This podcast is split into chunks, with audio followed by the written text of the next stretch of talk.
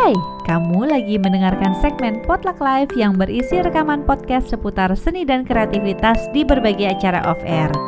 Episode kali ini merupakan rekaman sesi kita bercerita tentang pilihan seri 1 yang diadakan oleh Drupadi dan Hita Karana di Rumah Seniman di Kopi Kalian Cikajang bulan September 2018. Sebagai pencerita di sesi ini ada Ajina dari Peko Production, Rumana Yamani, Bella Fauzi, dan Trisa Triandesa dari 9 Februari Production. Lalu ada juga Kenia Rinonja selaku kreatif director Drupadi yang menemani para pencerita. Jadi di episode ini mereka mengangkat tentang kekaryaan para pencerita yang berkecimpung di dunia seni pertunjukan. Yuk langsung dengerin. Uh, selamat siang, selamat datang di kopi kalian dan di event hashtag menolak nyaman kita bercerita tentang pilihan. Siang hari ini kita akan bersama dengan empat pencerita kita. Ada Kabela Fauzi, ada Trisa Triandesa dari Sembilan Production, terus ada Mas Aji dari Peko Theater, dan kemudian yang terakhir ada Rumana Yamani. Jadi selama satu jam ke depan kita akan mendengarkan empat pencerita ini untuk bercerita. Karena kan yang saya tahu Kabela, Trisa, Rumana, dan Kak Aji adalah orang-orang yang memilih akhirnya berada di jalur yang gak gampang gitu untuk dijalani gitu. Nah sebenarnya apa aja sih uh, alasannya untuk memilih itu dan kemudian konsekuensi apa saja yang kemudian dialami dan ke depannya akan dibawa ke mana sih si pilihan itu mungkin bisa sharing sharingnya seperti itu gitu. Selamat menyaksikan. Tepuk tangan dulu dong untuk Kenya.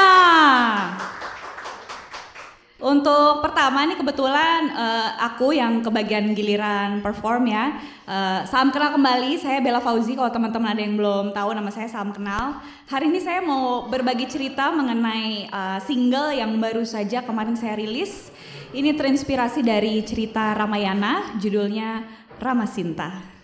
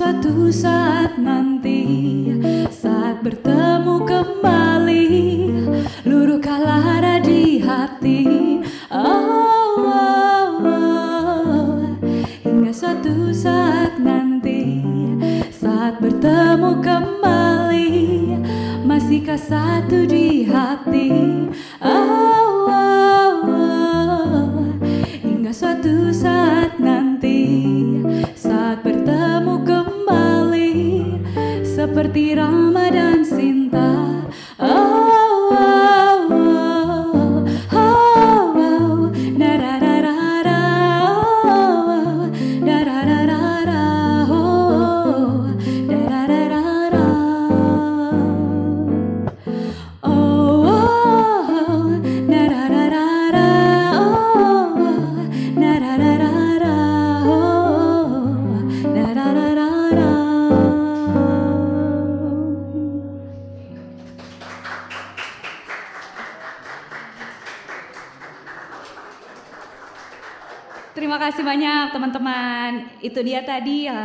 single pertama saya yang saya tulis sendiri. Judulnya adalah Rama Sinta.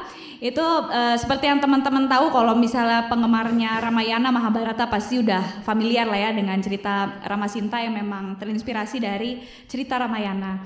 Nah, kenapa saya memilih um, apa apa ya menyanyi uh, menyanyikan lagu dan menciptakan lagu tentang Rama Sinta karena menurut saya Rama Sinta itu uh, meskipun memang uh, kisah mitologi gitu ya tapi uh, karakter Rama dan Sinta ini menurut aku masih sangat relevan gitu kalau misalnya di uh, apa ya dilihat dengan kehidupan millennials zaman now gitu. Kayak kalau misalnya kita ngelihat apa ya karakter Rama dan Sinta gitu kan uh, si Sinta ya diculik Rahwana mereka terpisah begitu lama mungkin ini bisa relate ke teman-teman yang mungkin uh, apa ya lama terpisah sama pasangannya dan mungkin ada saat-saat di mana kita bertanya masih nggak ya gue the one buat lo gitu kan. Jadi uh, menurut aku nih uh, karakter Rama dan Sinta meskipun memang uh, dia kita taunya dari cerita pewayangan atau mitologi tapi aku merasa tokoh Rama dan Sinta ini masih sangat related gitu. Kalau misalnya dikaitkan dengan kehidupan uh, saat ini khususnya kehidupan percintaan gitu. Nah Uh, hari ini saya juga termasuk uh, sama seperti teman-teman saya yang menolak nyaman. Uh, saya uh, menolak nyaman untuk uh, tidak apa ya, uh, untuk mengabaikan uh, kata hati saya sendiri karena sebenarnya saya sudah lama menjadi uh, penggemar budaya gitu. Jadi emang udah lama uh, menyukai cerita mitologi India gitu kan. India kan juga cukup apa ya familiar dengan cerita uh, Mahabharata dan Ramayananya gitu.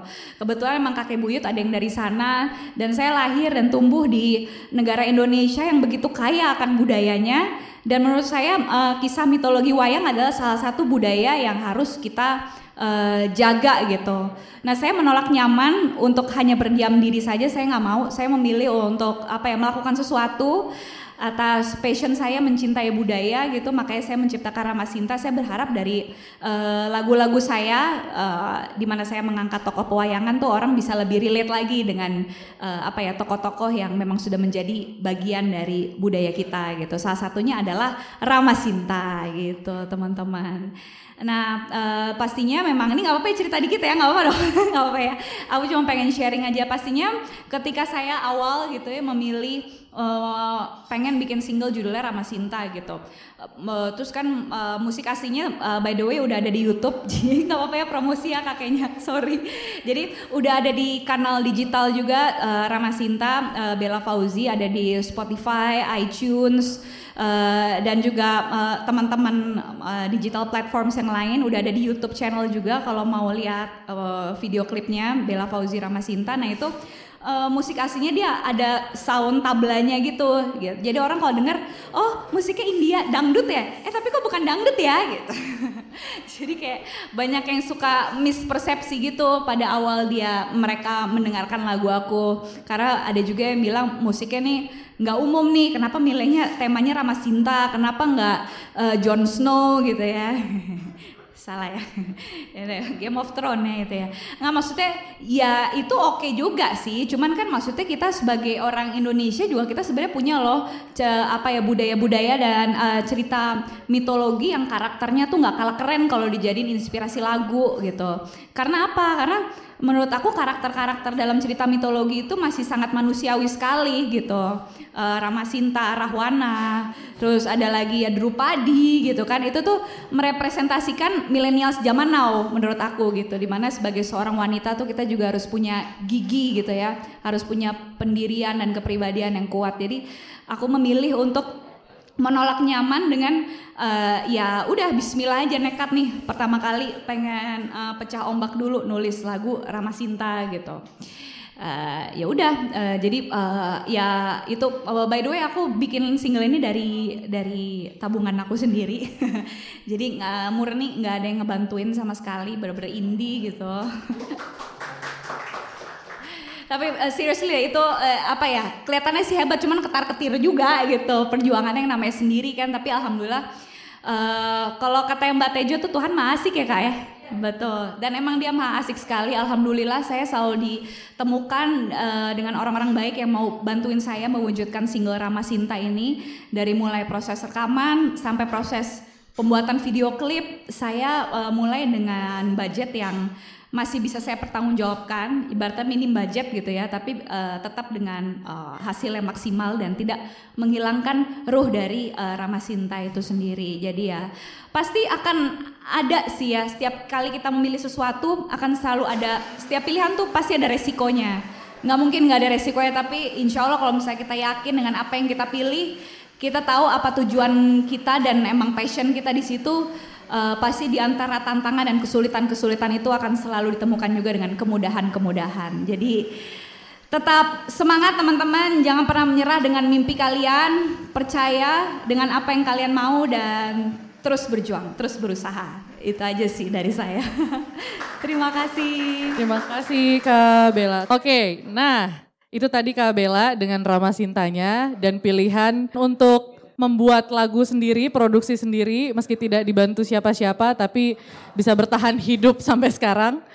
Uh, selanjutnya kita juga punya salah satu pencerita lagi, namanya Mas Aji, yang mendirikan Peko Theater pada tahun 2002. Saya tuh selalu amazed sama komunitas atau platform atau apa pun itulah sebutannya kalau bisa bertahan lebih dari lima tahun gitu kayak wow ini bagaimana gitu apa sih yang mereka lakukan bisa sampai bertahan ini dari tahun 2002 sekarang 2018 16 tahun ada di uh, jagat industri pertunjukan ini. Nah kita mau dengar dari Mas Aji kira-kira kenapa memilih menghadirkan Peko Teater ini. Dari sekian banyak juga komunitas yang sudah ada lebih dulu. Uh, yang kalau misalnya orang-orang teater mungkin paham dengan senior-senior yang juga membuka ruang belajar gitu. Tapi Mas uh, Aji memutuskan untuk membuat uh, garapan sendiri gitu. Dan yang menarik dari Peko adalah kalau saya pelajarin Peko itu benar-benar memberi ruang seluas-luasnya untuk generasi muda atau siapa pun yang terlibat di dalamnya bikin karya gitu di dalam situ ya. Lengkapnya kita boleh panggil Mas Aji. Mas Aji boleh ke sini. Ya, saya Aji NA. Uh, eh, kalau di sosmed saya pakai Aji Bongna. Um, mungkin kalau saya saya tidak biasa di depan, uh, saya lebih biasa di belakang. Walaupun dulu saya sempat berada juga menekuni juga uh, sebagai pemain gitu di depan. Kalau sekarang saya lebih bermain hanya untuk panggilan dari teman. Uh, Peko seperti yang tadi Ken bilang, memang eh, sampai hari ini itu kurang lebih 16 tahun. Akan akan 16 tahun di bulan Oktober. Uh, Peko sendiri itu kepanjangan dari akhirnya kami membuat uh, kepanjangan dari kata Peko itu tadinya itu adalah uh, sebutan bercanda di antara kami. Ada beberapa uh, mahasiswa dulu uh, itu mahasiswa IKJ, terus ada beberapa anak uh, Tarakanita. Kita suka kumpul bikin pertunjukan. Terus kita bersepakat bikin komunitas gitu. Bikin namanya apa ya? Bikin nama apa ya gitu. Nah, di antara kami itu ada beberapa teman suka bercanda. Uh, kalau bercandanya itu suka saling kata-kataan. Kata-kataannya adalah uh, pekok lu, pekok lu. Artinya itu bego gitu. Uh, dan memang menurut bahasa Jawa waktu itu kami pernah manggung di depan uh, Mas Slamet di teater populer. Terus Mas Slamet tuh bilangnya juga gitu. Kok mau sih namanya peko? peko karena kalau dalam bahasa Jawa peko itu adalah artinya sebego-begonya bego gitu katanya gitu terus saya bilang iya mas kita juga udah cari tahu kita memang sengaja justru kita manfaatkan itu dengan pemikiran bahwa uh, kita ini lebih baik sok bego ketimbang sok pinter gitu kalau sok bego itu kan berkarya enak gitu mau mau kayak apa pun kalau ada orang yang ini ya namanya juga orang bego gitu kan. Kalau jelek maafin, kalau bagus alhamdulillah gitu. Karena memang ini menjadi uh, apa ya pegangan kami semua gitu bahwa seperti yang tadi Ken sempat mention sedikit di Peko tuh memang bisa dibilang uh, saya yang paling paling apa ya paling tua paling paling banyak umurnya.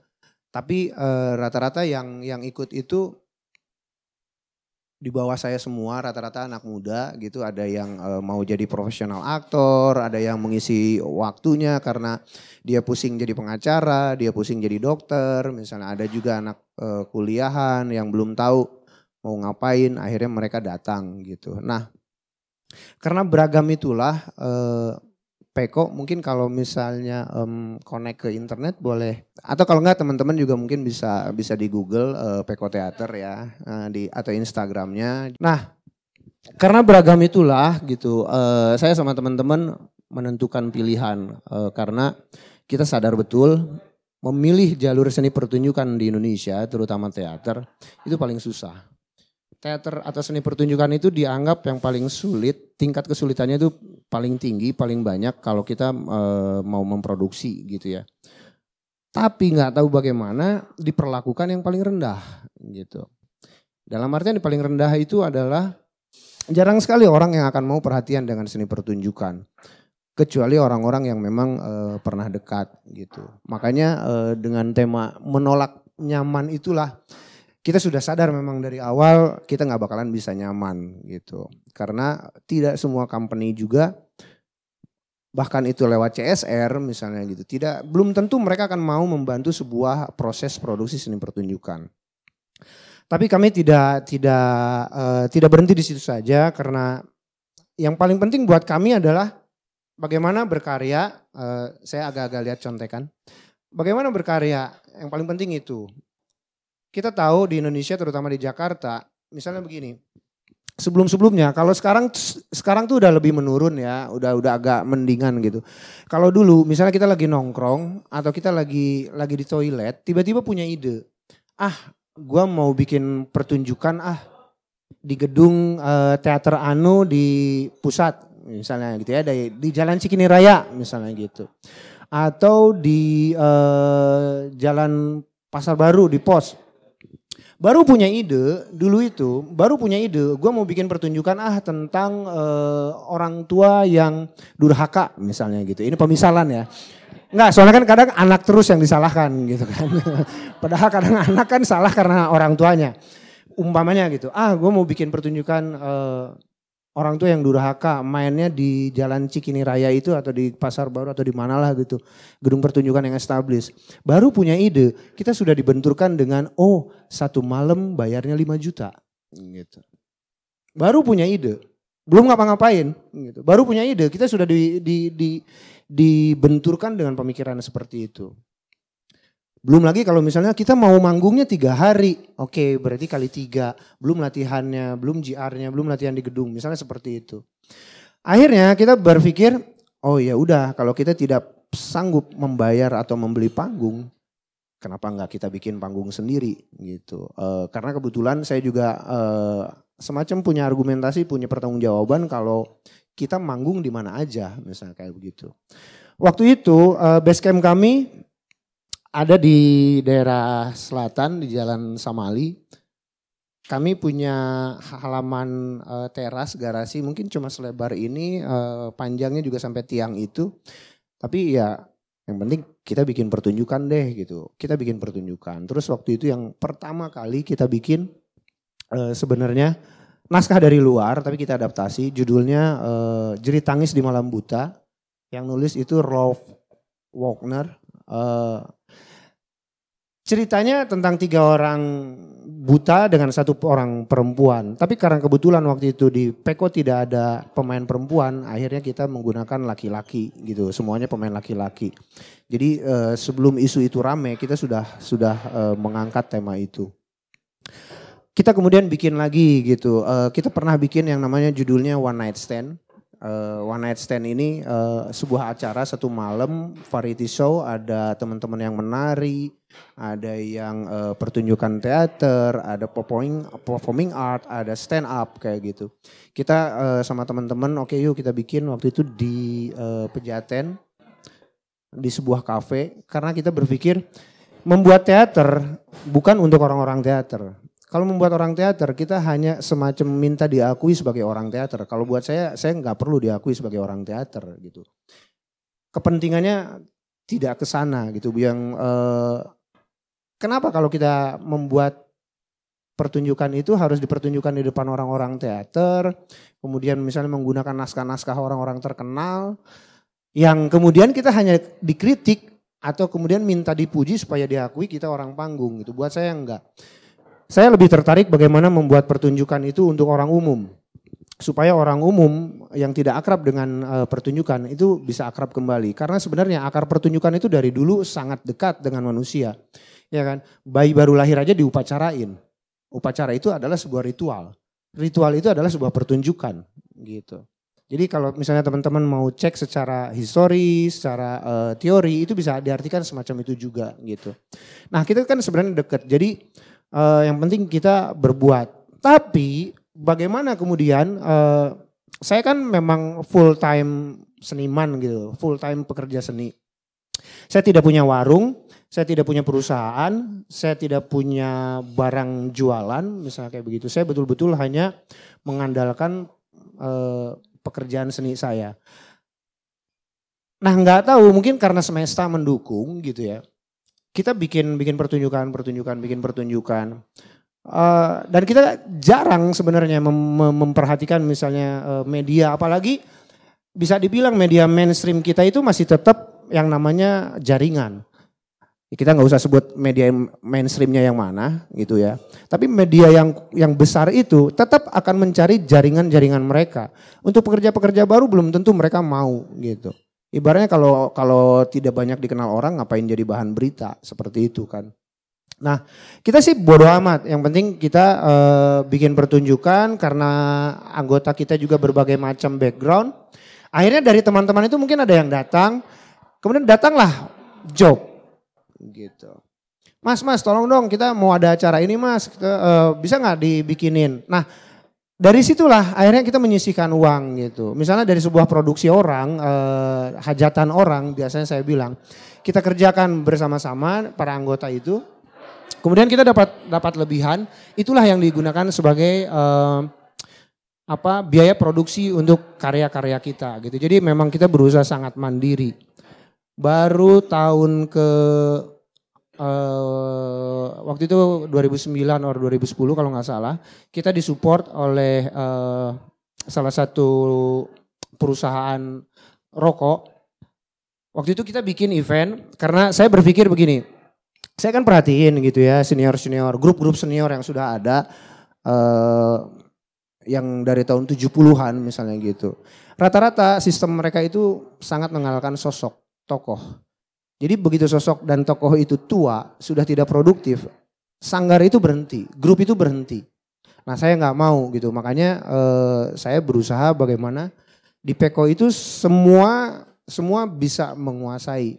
Jadi eh, per dua bulan sekali kita bikin acara pertunjukan dari eh, kan kita juga buka kelas acting ya gitu. Jadi dari penghasilan itulah kita subsidi silang ke pertunjukan-pertunjukan kita. Uh, baru kemudian misalnya setelah dapat sponsor itu pun uh, tidak tidak sering karena kita orang malas hmm, bahasa agak-agak merendahnya kita orang-orang yang malas mengemis gitu. Kita lebih senang uh, kita berkarya sisanya terserah deh orang mau nyamperin mau nggak bebas aja gitu. Alhamdulillah kami uh, pernah mengerjakan uh, pekerjaan-pekerjaan yang ibaratnya hanya bisa membiayai sebuah pertunjukan lima menit, tapi pernah juga uh, mendapatkan pekerjaan yang hasilnya misalnya bisa membiayai pertunjukan selama satu jam setengah. Jadi tidak pernah ada kenyamanan dalam hidup saya, dalam hidup kami gitu. Kalau dalam artian dalam artian kemapan nyaman itu adalah sebuah kemapanan status, kemapanan ekonomi, kemapanan materi gitu. Bahkan kepuasan aja kami selalu gelisah gitu. Dari sebuah pertunjukan kami selalu merasa, ah banyak yang kurang ya, banyak yang kurang ya, kayak begitu. Tapi kemudian yang saya coba juga uh, lakukan adalah supaya misalnya tadi yang dimention sama Ken bahwa bagaimana bisa sampai 16 tahun saya nih anak-anak pada zamannya, zaman zaman saya uh, belum segampang sekarang gitu. Waktu itu kami kalau saya ingat waktu itu saya pengen tahu banget butoh. Kebetulan tiba-tiba ada workshop uh, penari butohnya gitu dari Jepang datang ke kampus. Uh, saya makin tertarik tapi begitu selesai mau cari aja tentang butoh itu susahnya minta ampun gitu. Tapi akhirnya saya tetap belajar gitu. Saya selalu uh, bilang ke teman-teman kita harus selalu belajar. Makanya akhirnya kita pernah membuat pertunjukan uh, tribute to Sri Mulat. Karena banyak teman-teman uh, yang, ayo dong kita belajar komedi yuk, belajar komedi yuk gitu. Jangan hanya selalu drama uh, tragedi, tragedi gitu. Akhirnya kita berpikir uh, apa yang menarik ya. Oke kita ini mempelajari tribute to Sri Mulat itu sampai dua kali. Karena penasaran sekali gitu. Uh, Sri Mulat buat saya sebuah grup yang mampu memanage uh, grup dan anggotanya. Banyak dari mereka itu yang berhasil gitu ya. Akhirnya kita pelajarin. Tapi kemudian kita juga, oh kita kan tinggal di Jakarta nih gitu. Kita tinggal di Jakarta, masa kita tidak peduli dengan budaya Jakarta. Akhirnya kita pernah eksplorasi juga uh, sandiwara Betawi. Terus karena teman-teman itu juga banyak yang ada dari penari, akhirnya kita juga pernah bikin eksperimen yuk, semacam dance theater gitu. Akhirnya kita pernah bikin itu di Galeri Indonesia Kaya sama di Hutan Sanggabuana. Mungkin kalau teman-teman eh, mau browsing itu ada namanya Hutan Sanggabuana di daerah Karangtengah Lebak Bulus. Itu sebuah uh, apa kayak area yang yang area konservasi kemudian dibuat semacam art space yang alami panggungnya benar-benar tanah sama kolam gitu. Jadi saya bawa teman-teman Peko yang berbagai macam background itu dan kami berdoa waktu itu ya Tuhan pada saat pertunjukan kasihlah hujan gitu karena kan nggak ada atapnya. Eh ternyata beneran dikasih hujan walaupun efeknya eh, apa sound system kami agak rusak kayak begitu tapi ada ada ada experience lain gitu. Beberapa orang itu ada yang wannabe artis gitu ya. Uh, awalnya gitu dia pengen banget jadi artis, pengen banget masuk sinetron misalnya kayak begitu, pengen banget jadi pemain film. Tapi begitu mulai menjalani dunia panggung, dia semacam ada kayak ternyata enak ya gitu. Sambil nunggu kerjaan gue bisa latihan, gue dapat experience gitu. Kan jarang gitu manggung teater di di alam kena hujan pula gitu. Itu jarang banget. Itu yang selalu kami lakukan. Kami selalu berusaha mengeksplor. Terus uh, Sebelum drama musikal rame, kami juga sudah mulai mengeksplorasi drama musikal. Kita coba cari formula yang pas gitu. Dan kita coba, coba cari, coba cari, coba cari. Terus aja seperti itu dan kemudian alhamdulillah sekarang mulai zaman sosmed gitu. Jadi memang kita bisa melaksanakan yang kita sudah tidak lagi butuh media-media besar, mainstream atau tidak mainstream. Karena sekarang dengan sosmed kan kitalah media gitu kan. Saya setuju dengan itu gitu. AM media itu benar banget. Jadi saya pun juga udah nggak terlalu peduli lah gitu. 16 tahun ber, berkarya eh, baru baru sekali Peko terlibat dengan program pemerintah gitu jadi memang kami dari awal tidak pernah percaya dalam artian tidak pernah percaya kepada pemerintah akan benar-benar bisa membantu seni pertunjukan Indonesia bukan tidak percaya pada pemerintahnya ya ya kan. Tapi tidak percaya pemerintah bisa membantu seni pertunjukan Indonesia dengan maksimum gitu. Buktinya 16 tahun aja sampai sekarang saya tetap masih seperti dulu gitu. Uh, jadi kita tidak bergantung dengan itu. Yang penting kita coba, kita coba. Sekarang sudah waktunya uh, atau kami sedang menjalani yang berbuat sambil menikmati gitu. Jadi uh, kita sudah tidak peduli apakah kita terkenal, apakah kita kaya atau tidak gitu. Yang yang kami pedulikan adalah apalagi yang bisa kita omongkan lewat seni pertunjukan gitu. Apalagi yang bisa kita bicarakan gitu. Itu aja yang sedang kita cari. Nah sekarang uh, Peko lagi persiapan untuk 2019 kita mau bikin drama musikal tribute to dangdut. Teasernya udah dibikin uh, bulan Maret sama kemarin terakhir 16 September kalau teman-teman mau buka di YouTube ada judulnya Vergo lelaki dari timur atas. Itu teaser buat 2019 sama satu lagi kami sedang eksplorasi pertunjukan dance theater judulnya atas nama kota itu bentuk sebuah uh, sebuah bentuk apa uh, respon kami terhadap kota gitu. Insya Allah itu bulan November. Kira-kira seperti itulah Peko Theater. Terima kasih Mas Aji. Kita akan banyak melanjutkan kenapa selama 16 tahun uh, berjuang secara independen. Walaupun tadi udah dikasih tahu alasannya karena kalaupun dibantu tidak yakin yang membantu itu bisa uh, maksimal dalam membantu seni pertunjukan. Sekali lagi thank you Mas Aji. Uh, benar kemarin aku juga sempat uh, diskusi juga di Bandung menjadi pekerja kreatif kreatif atau seniman di negeri ini tuh emang gak enak gitu. Cuman sampai sejauh mana kita mau berserah dengan ketidakenakan itu kan. Pada akhirnya orang-orang yang datang ke sini atau Drupadi ID sendiri terus kemudian Peko Theater akhirnya ya memilih mencari jalan mencari jalan yang mungkin untuk kita bisa terus uh, membagi value yang baik-baik gitu lewat seni pertunjukan. Terima kasih Mas Haji, kita sambung lagi nanti. Nah, selanjutnya akan ada uh, seniman independen. Beliau ini baru balik dari, bukan baru ya, udah berapa tahun Rum? Satu setengah tahun setelah uh, berkelana dan belajar di negeri tetangga Singapura, bidang drama ya Nanti kita bisa dengar dari Rom sendiri gimana dia shocknya terbiasa uh, jelas gitu ya hidup seni pertunjukan di negeri seberang sana gitu. Sementara pas balik ke sini, men-men ini gimana ya? Gue mesti ketemu siapa? Gue mesti mulai dari mana? Nah kita dengerin dari Rom. Nah Rom sendiri sebenarnya udah banyak banget karyanya di uh, Jakarta ya dan banyaknya sih dekatnya ke seni rupa. Tapi sebenarnya cinta sejatinya beliau adalah drama dan acting. Dan yang aku tahu juga dia sekarang banyak uh, bergelut di bidang pendidikan di salah satu sekolah swasta di Jakarta. Boleh ke sini, Rum? Gak usah malu-malu, Beb. Selamat siang semuanya. Nama saya Rumana, uh, senang sekali bisa hadir di sini. Oke, mungkin sebelum mulai uh, saya akan menampilkan sedikit monolog, satu monolog yang udah pernah aku tampilin sebelumnya pas aku zaman kuliah dan um, salah satu monolog yang my go to monolog kalau misalnya ada audition or any other stuff gitu untuk performance. Judulnya ini monolog ini adalah Stuff Happens, uh, written by David Hare. Jadi uh, play ini ditulis tidak lama setelah kejadian 9/11 jadi lumayan temanya itu seputar 9/11 dan kejadian di United States. Dan ini uh, monolog yang paling saya ingat sampai sekarang. Karakter yang akan saya perankan di sini adalah namanya Brit.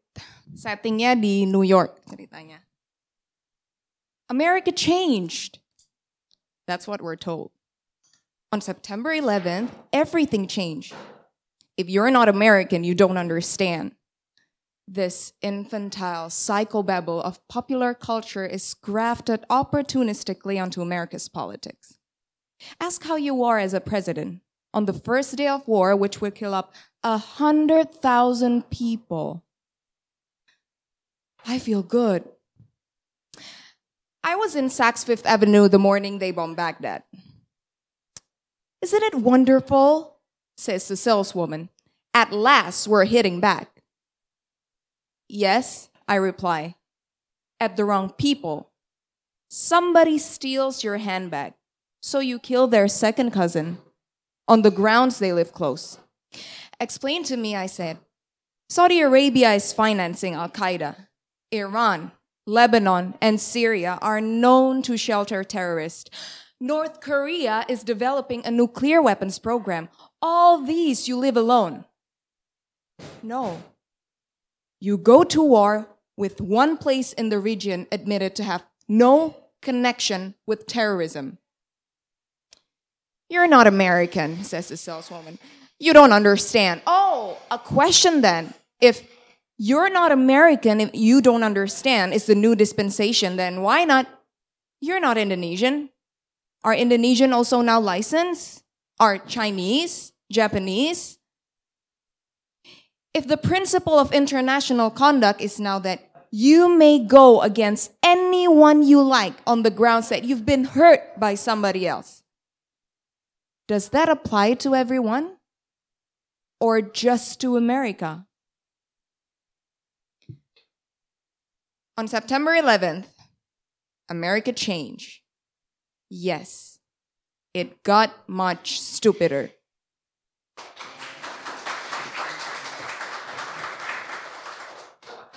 Oke, terima kasih. Itulah tadi sedikit sedikit monolog yang saya tampilkan. Jadi saya mulai dari mana ya nih? Um, mungkin saya mulai dari pengalaman saya dulu, background saya sebelumnya. Jadi saya lulus dari LaSalle College of the Arts Singapura, uh, majored in acting. Jadi memang dari dulu saya tertarik untuk mendalami bidang teater. Saya pernah juga tahun lalu saya pernah ikut uh, workshop uh, seperti summer school di City Company karena saya ngedalemin uh, metode Suzuki dan viewpoints. Dua metode ini adalah salah satu metode keaktoran yang sebetulnya pengen aku kembangin di sini. Uh, lalu saya pernah juga di Nafa. Dan setelah itu, setelah dua setengah dua satu setengah tahun yang lalu saya kembali ke Jakarta. Saya mulai saya ketemu dikenalin uh, sama teman saya yang seorang performance art. Jadi saya mulai kenal dengan performance art, yaitu sebenarnya dia um, formatnya adalah seni rupa tapi menggunakan tubuh sebagai medium. Jadi agak dekat sama teater, tapi mereka tidak ada uh, konsep acting atau merankan gitu. Terakhir Uh, saya diberi kesempatan senang sekali untuk kerjasama dengan Drupadi. Saya memerankan karakter Drupadi di sini dan ini adalah format teater pertama kali setelah saya balik ke Indonesia. Akhirnya saya memerankan ikut dalam pertunjukan teater yang benar-benar teater yang bukan performance art. Yaitu dua bulan yang lalu setelah saya hampir dua tahun di Jakarta. Ketemunya kayaknya ini juga um, random banget, lumayan random sih saya ngelihat di Instagram. Gue ngelihat um, worksnya dia dan sepertinya menarik dan sesuai sama visi misi saya juga sebagai seniman. Lalu saya approach dia dan akhirnya kita berjumpa. Nah ini salah satu teater permentasan saya pada saat kuliah. Judulnya Blood Wedding. Ini saya tampilin sempat di teater festival. Um, Sebenarnya saya mau sharing aja sih ini uh, apa namanya pengalaman-pengalaman saya di teater sebelumnya ini Singapura masih kuliah. Saya uh, buat graduation show. Saya memerankan Tayona dari um, penulis Chuck Me yang judulnya Big Love. Ini sangat menarik sekali sih cerita ini uh, based on Greek tragedy.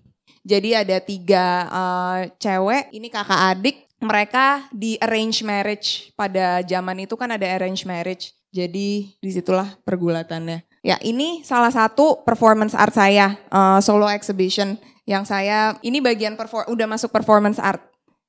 Yaitu um, yang masuk di seni rupa tadi. Saya bikin installation and at the same time ada pementasannya juga. Ada mini performance-nya. Uh, jadi tentang mistake ini saya membicarakan tentang hormon dopamin dan bagaimana um, dia mempengaruhi kita untuk tetap ada resiliensi dalam me, untuk mencapai sesuatu. Jadi saya visualisasiin, saya analogikan dengan saya belajar suatu piece piano bah on air on a G string yang saya tampilin di opening day-nya. Dan saya eksperimental juga dalam permainan pianonya itu untuk menggambarkan kesulitan-kesulitan yang dihadapi dan untuk mencapai ke kesuksesan itu. Dan pada saat kesuksesan itu terjadi, that dopamine feeling yang hormon yang kita punya, kita kerasa gitu ada that sense of ding ding ding if you we achieve something. So that's what I wanna, the idea that I wanna give. Ya ini ini yang uh, di Galeri Indonesia Kaya. Ini juga salah satu performance art yang saya kolaborasi saya sama penyanyi Gloria Jessica. Um, ini temanya Kartini. Jadi pas saya satu setengah tahun, dua tahun yang lalu saya nyemapir sini, saya tuh ngerasa kebingungan. Saya mau melanjutkan bidang saya di seni pertunjukan dan sebagai aktor. Saya bingung tuh nyampe sini mulainya dari mana. Akhirnya saya kenal sama teman saya salah satu yang berdomisili di Jogja.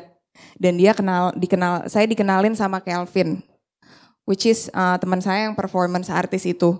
Dan barulah dari situ saya lang saya melanjutkan dan menggeluti di bidang performance art. Tapi sebenarnya kalau mau ditanya, saya ingin sekali balik ke dunia teater ini. Tapi saya tidak tahu dari mana mulainya. Siapa yang harus saya hubungin? Komunitas apa yang kira-kira cocok dengan visi dan misi saya? Dan ketiga adalah saya mencari ruang di mana saya bisa ngetrain this craft of as an actor. Karena kalau misalnya kita sebagai aktor, eh kalau misalnya kita sebagai pelukis, kita bisa latihan uh, ngelukis sendiri di rumah dan kalau misalnya kita pemusik, kita bisa format latihan kita adalah latihan di instrumen kita. Nah, sebagai aktor itu yang sejauh ini saya saya rasain kita perlu collective collective work di mana kita berlatih sebagai ensemble teater ensemble bar, berbarengan.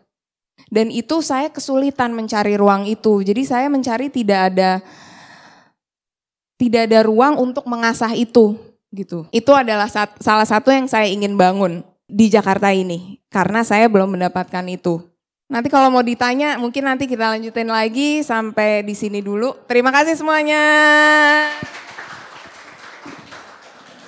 Terima kasih Rum. Uh, benar kata Rum untuk bisa survive di seni pertunjukan di Indonesia kayaknya kita harus ke sana kemari dulu gitu. Kayak Room tadinya cinta banget sama dunia teater dan keaktoran tapi harus juga ngerasain performance art yang yang pasti baru banget buat Room. Saya juga dari awal emang enak gitu untuk kita bisa tampil, kena lampu sorot, datang latihan, jadi bintangnya lah, jadi artisnya gitu.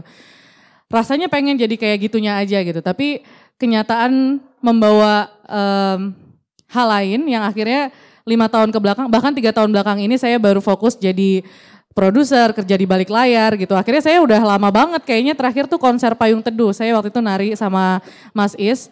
Tapi sampai setelah itu nggak pernah lagi. Saya kebanyakan ngurusin ini buka Excel. Gimana coba? Saya kan harusnya latihan tapi saya ini budget sama dengan sum FX udah ngitunginnya gitu. Terus proposal ditolakin ini ditolakin. Jadi kayak ya mau nggak mau gitu. Ja, apa walaupun pernah juga ada obrolan dari teman-teman saya yang eh teman saya satu yang lulusan New York dia baru balik ke sini dia bilang kok kalau di sini we have to wearing many hats at the same time ya gitu. Kita nggak bisa fokus kalau jadi aktor tuh jadi aktor aja ya. Jadi ini tuh jadi ini. Nggak bisa beb. Di sini beb gitu. Nggak bisa beb. Sorry aja nih kita mah pahit-pahit aja kalau mau bertahan gitu. Kalau misalnya mau kayak gitu didatengin mau jadi artis yang duduk cantik gitu ya harus punya tim yang bekerja buat anda gitu. Kalau masih rakyat kismin ya sebaiknya sebaiknya mencarilah celah-celah itu gitu. Nah oke. okay itu dari dari room. Setelah ini akan ada Eca. Eca uh, lengkapnya kita akan dengarkan nanti. Mungkin Eca bisa langsung ke depan. Trisa Triandesa. Lembayung, Lembayung. Ini acara syukuran teh jam berapa mulainya? Astagfirullah ini kenapa makanan belum ada? Eh, Lembayung ini tamu sudah pada datang buat acara tujuh bulanan kamu. Kenapa kamu belum siap-siapkan? Maaf semuanya. Itu lembayung mah kalau lagi hamil tujuh bulan teh banyak alasan. Cangkel, berat. Pemalas jadinya semenjak hamil sebel saya teh sama perempuan kayak gitu. Saya juga mohon maaf ini tadi tidak melihat karena saya sedang membaca majalah. Menarik ini. Dia ini namanya Tantri Kusuma Putri. Dia ini adalah wanita pertama yang menjadi direktur utama Bank Mandala Niaga. Hebat ini. Tapi saya teh kagok belum selesai baca. Boleh saya lanjutkan? Saya bacakan boleh ya? Boleh tidak? Oke. Tadi teh mana ya? Oh ini dia. Bu Tantri, di usia ke-30 ini, apa yang menyebabkan Anda belum berkeluarga? Apakah karir Anda lebih penting daripada seorang daripada panggilan kodrat seorang wanita untuk menjadi istri yang soleh? Tunggu. Majalah wanita modern. Pertanyaannya sangat sangat penting. Bagus ini, jagoan. Berarti reporter wanita modern ini modern, pinter, pertanyaan sangat penting. Ya atuh, masa perempuan kok jadi direktur ya? Aduh, kacau nih mah kacau. Saya mah hanya berbicara soal kodrat. Ya, karena perempuan itu kan diciptakan setelah laki-laki. Ingat, ingat. Perempuan itu diciptakan dari mana? Tulang rusuk pria. Eh, tidak ada pria, tidak akan ada perempuan di dunia ini. Makanya perempuan seperti Tanti Kusuma Putri ini melawan kodrat. Eh, ingat, kodrat itu berhubungan erat dengan martabat. Kalau mau memenuhi kodrat, dengarkan apa kata masyarakat kodrat disangkal, martabat pun selamat tinggal. Hmm. Tapi kalau dilihat-lihat ya, si Tantri Kusuma Putri ini untuk perempuan berusia 30 tahun alias tua. Ya, cantik mah cantik, betul ya. Yang suka juga pasti banyak. Tapi paling buat main-main saja. Bukan untuk serius. Eh. Kamu juga senangnya main-main kan sama laki-laki sana sini? Ngaku sih ya. Kuliahnya saja di luar negeri. Pasti pemikirannya itu ya uh, liberal, feminis. Liberalisme, feminisme itu cuma ada di Facebook. Hanya heboh di Twitter, hanya ramai dibicarakan di panggung teater. Ketika pulang ke rumah, ngobrol dengan orang tua. Ketika lebaran, sok ditanyanya apa? Kapan kawin? Udah udah umur segini masa belum kawin, mama teh kangen atuh pengen gendong cucu. Perempuan kalau tidak menikah tidak akan bahagia. Gitu katanya. ya intinya pesan yang ingin saya sampaikan adalah uh, dalam hal mencari pria, ingatlah petuah bijaksana ini. Habis gelap, terbitlah. Betul. Tetap berharap, janganlah melajang. Lembayung ini kapan atau diberesin? Sebentar ya, permisi.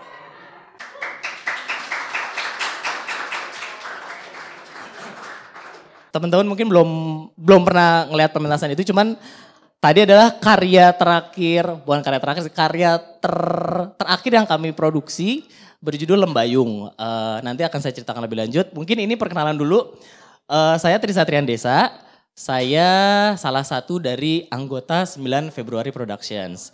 Mungkin bertanya-tanya kenapa namanya 9 Februari? Sederhana saja, kami terbentuk di hari itu. Gitu ya. Tidak ada makna filosofis atau apa itu nggak ada. Karena kita ngobrol tanggal 8, terus ngobrol terus-terus akhirnya pas jam 12 teng eh udah kita bikin kelompok aja yuk gitu. Namanya apa ya?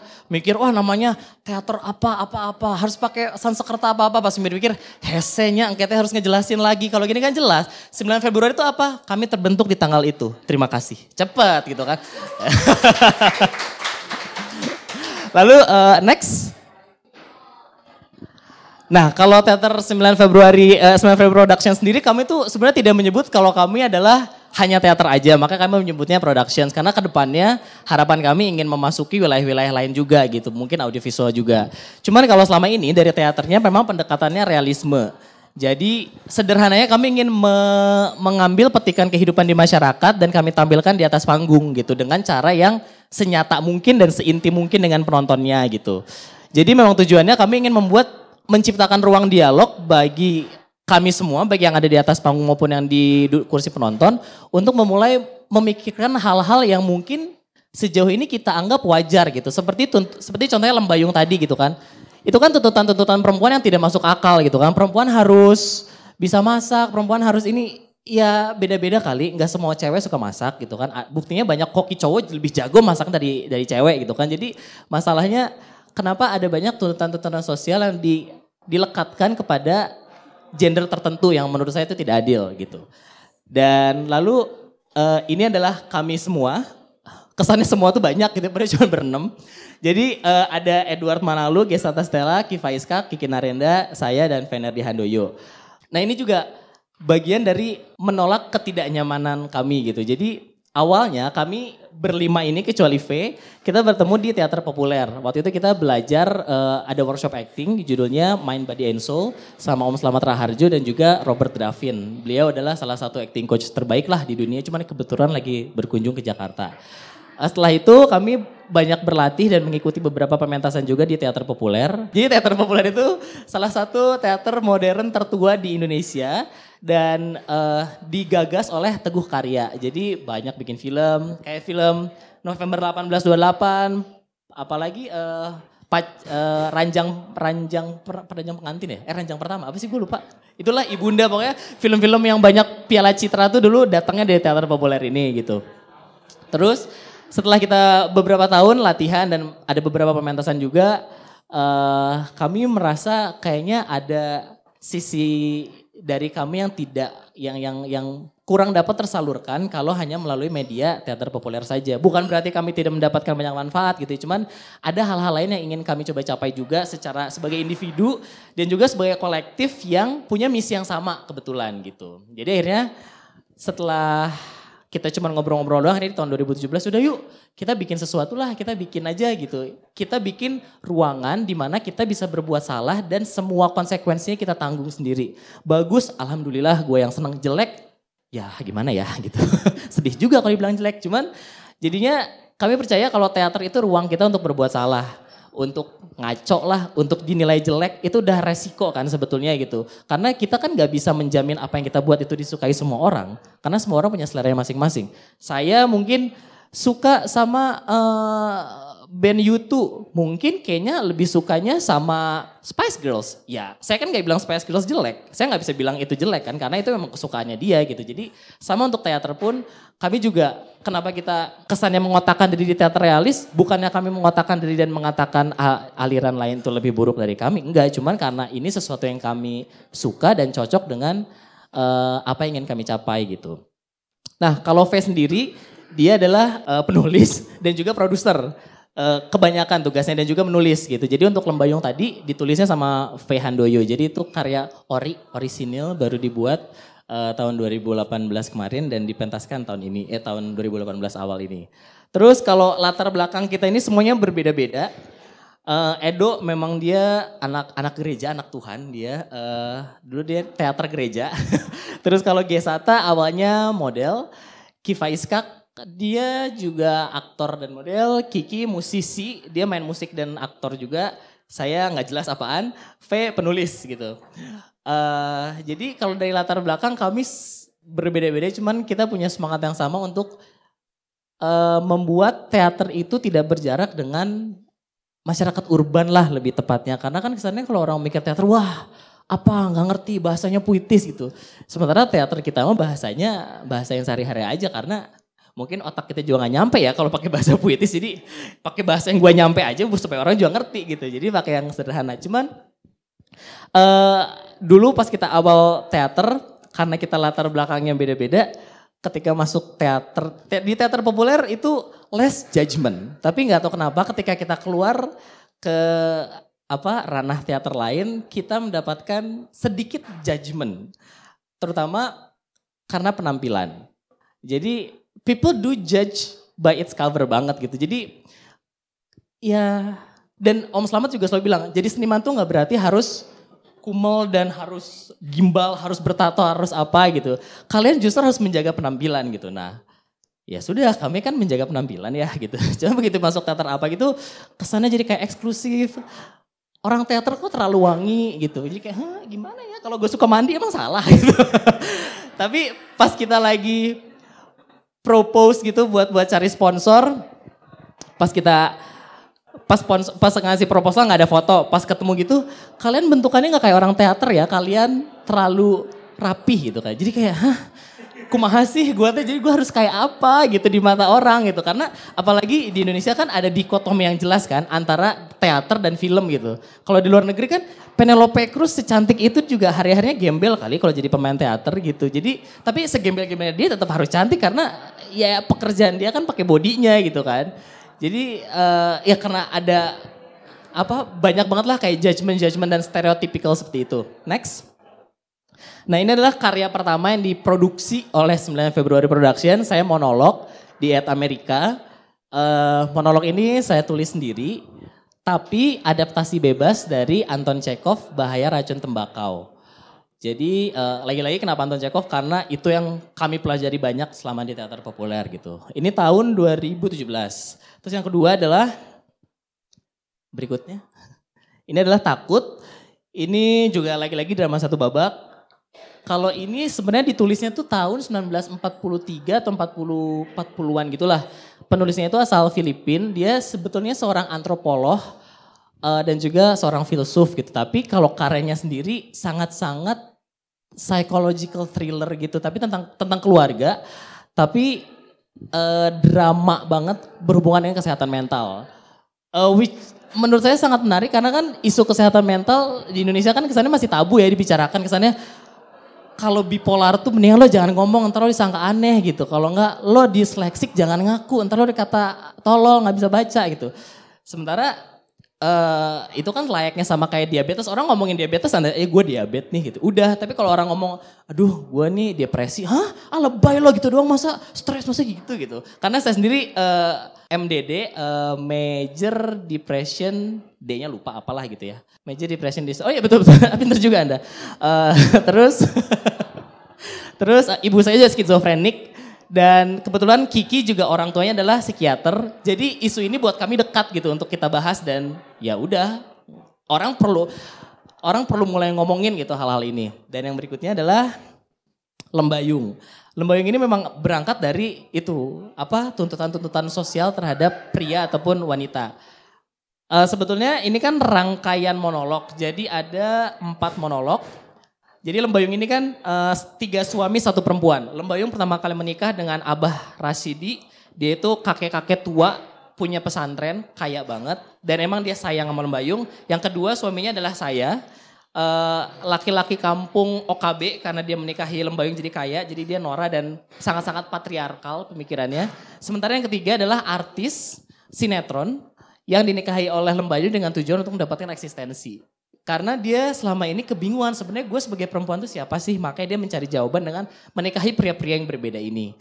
Dan uh, ini karya karya pertama yang beneran kami tulis, kami sutradari sendiri ngeset sendiri, kostum sendiri, makeup sendiri, pokoknya bener harus pakai topi banyak gitu ya. Jadi dari pas di ruang di ruang ganti itu ketika saya ngurusin konsumsi saya lagi benerin alis nih kebetulan gitu. Bentar dulu ya maaf nih belum bisa bayar nih gitu. Kalau enggak lagi tiba-tiba uh, lagi dandan, oh tamu udah datang. Oh ya gue harus ke depan dulu nih ngecek-ngecekin gitu. Which is fun buat kita sih nggak apa-apa. Terus berikutnya, nah uh, berhubungan dengan si menolak nyaman ini yang saya angkat adalah tentang aku, kamu, kami, dan kita. Tentu ini sudah self-explanatory ya, artinya apa gitu. Cuman maknanya sebetulnya adalah next. Adalah tentang kerja kolaboratif dalam dunia berkesenian ketika saya memutuskan untuk mencoba sesuatu yang baru, saya nggak bisa ngerjain sendiri begitu aja. Mungkin betul seperti yang Rum alami gitu kan. Kok pas gue nyampe sini gue bingung, gue mau ngapain sama siapa gitu. Gue harus ngubungin sama siapa gitu kan. Oke. Uh, tapi di sini bersama Smile February Production kita punya ruang untuk melakukan uh, sesuatu yang baru untuk kami setidaknya mungkin bukan buat penonton tapi itu menjadi kerja yang kolaboratif gitu. Dan ini yang lainnya sih lebih ke bagaimana pendekatan kita dalam um, membuat sebuah pertunjukan gitu. Dalam kita berakting itu kami lebih uh, intinya aku kamu kami kita tuh kita harus responsif bukan reaktif. Kita mendengarkan, kita benar-benar mendengarkan apa yang disampaikan oleh lawan main kami gitu kan. Jadi ibaratnya gua nggak boleh cuman ngafal naskah gua doang, lain gua doang. Kita harus ngafal semua lain dan itu memang kami terapkan. Ketika Lembayung saya ngafalin tokohnya Lembayung, saya ngafalin Abah Rashid, saya ngafalin uh, tokohnya yang lain gitu. Karena itu membantu kita semua punya konteks yang jelas tentang cerita yang ingin disampaikan dengan kita memahami semua cerita gitu. Terus simpati dan empati tentu kalau kita memahami ada unsur kami dan unsur kita, kami itu kan berarti yang ada di panggung. Kita itu antara yang di panggung dan di kursi penonton. Kami ingin membangun kedekatan itu, ingin break the fourth wall gitu. Jangan sampai penonton adalah hanya penonton, tapi penonton juga bisa menjadi bagian dari diskusi tersebut. Lalu berbagi energi dengan penonton dan teknis panggung. Teknis panggung tentu kayaknya juga paham lah ini masalah blocking sebenarnya kan gitu. Jadi sebagai aktor kita kan harus sadar betul dengan tubuh kita gitu kan, yang ketubuhan kita. Nggak mungkin dong kalau yang ngomong gini saya ngadep ke sini. Sebelah sono kan nggak ngelihat. Sementara kalau di panggung kan it's about the actors dan apa yang disampaikan. Kalau misalkan yang disampaikan uh, yang disampaikan oleh aktor kan dari muka kan salah satunya gitu. Jadi kalau misalkan tidak tidak tidak tidak tidak tidak tidak memiliki teknis panggung dan teknis ketubuhan yang baik ditontonnya juga akan enak kurang lebih gitu. Dan uh, berikutnya ini yang diajarkan oleh Om Slamet. Melihat dengan telinga mendengar dengan mata dan berpikir dengan rasa. It makes no sense I know. Tapi uh, ini adalah untuk melatih kepekaan kita sama lingkungan sekitar dalam ruang kurang lebih itu karena kan orang itu kan isinya muatan-muatan rasa ya. Kita harus coba berpikir dengan rasa. Kira-kira dia kenapa begitu dan rasanya apa yang dirasain itu dan yang terakhir adalah ini dari Stella Adler salah satu acting coach juga yang uh, belajar tentang Stanislavski. In life as on stage it's not who I am but what I do that's the measure of my worth and the secret of my success.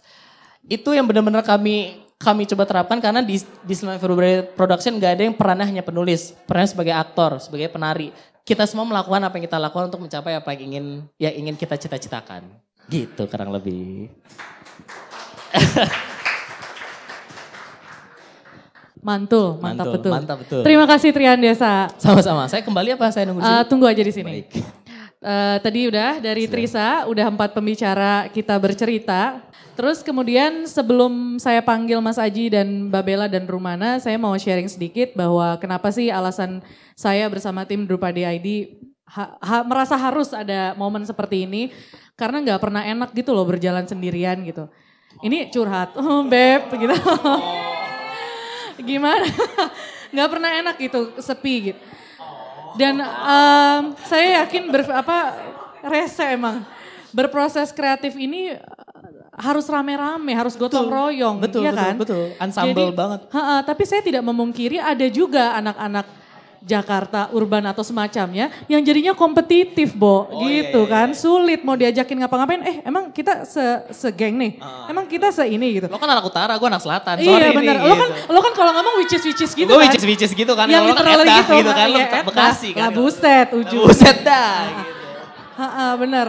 Jadi maksud gue kayak kita perlu ruang seperti ini, perlu ngegandeng siapa pun yang berjuang secara independen untuk ngasih tahu bahwa men lo nggak sendiri sendirian amat gitu. Lo mau butuh pemain kita bisa sama Peko, lo butuh aktor yang gimana bisa sama 9 production. Butuh lagu-lagu yang berangkat dari pewayangan aku bisa ngontak Mbak Bella. Maksudnya dibuka aja kesempatannya supaya seni pertunjukan yang nggak ada pengunjungnya ini bisa terus hidup gitu. Jadi sebenarnya momen ini adalah untuk itu. Saya berharap sih akan ada seri 2, 3, 4 atau selanjutnya supaya orang-orang semakin bisa berkumpul. Dan di sini pun yang datang juga rata-rata ada penulis, ada penari.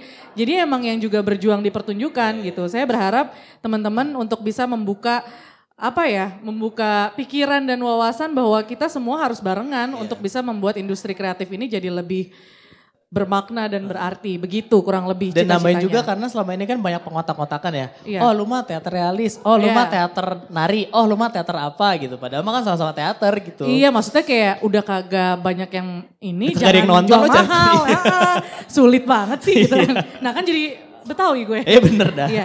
Oke kita panggil aja yuk Mas Aji, Mbak Bella, terus kemudian room ke depan. Ehm, itulah tadi cerita dari empat pembicara dari artis independen dan komunitas juga platform. Terima kasih sudah menyaksikan, terima kasih sudah mendengarkan dengan baik dan sudah mengolah itu menjadi sesuatu yang tidak hanya bisa diterima oleh akal sehat tetapi juga dengan rasa ya. Terima kasih banyak.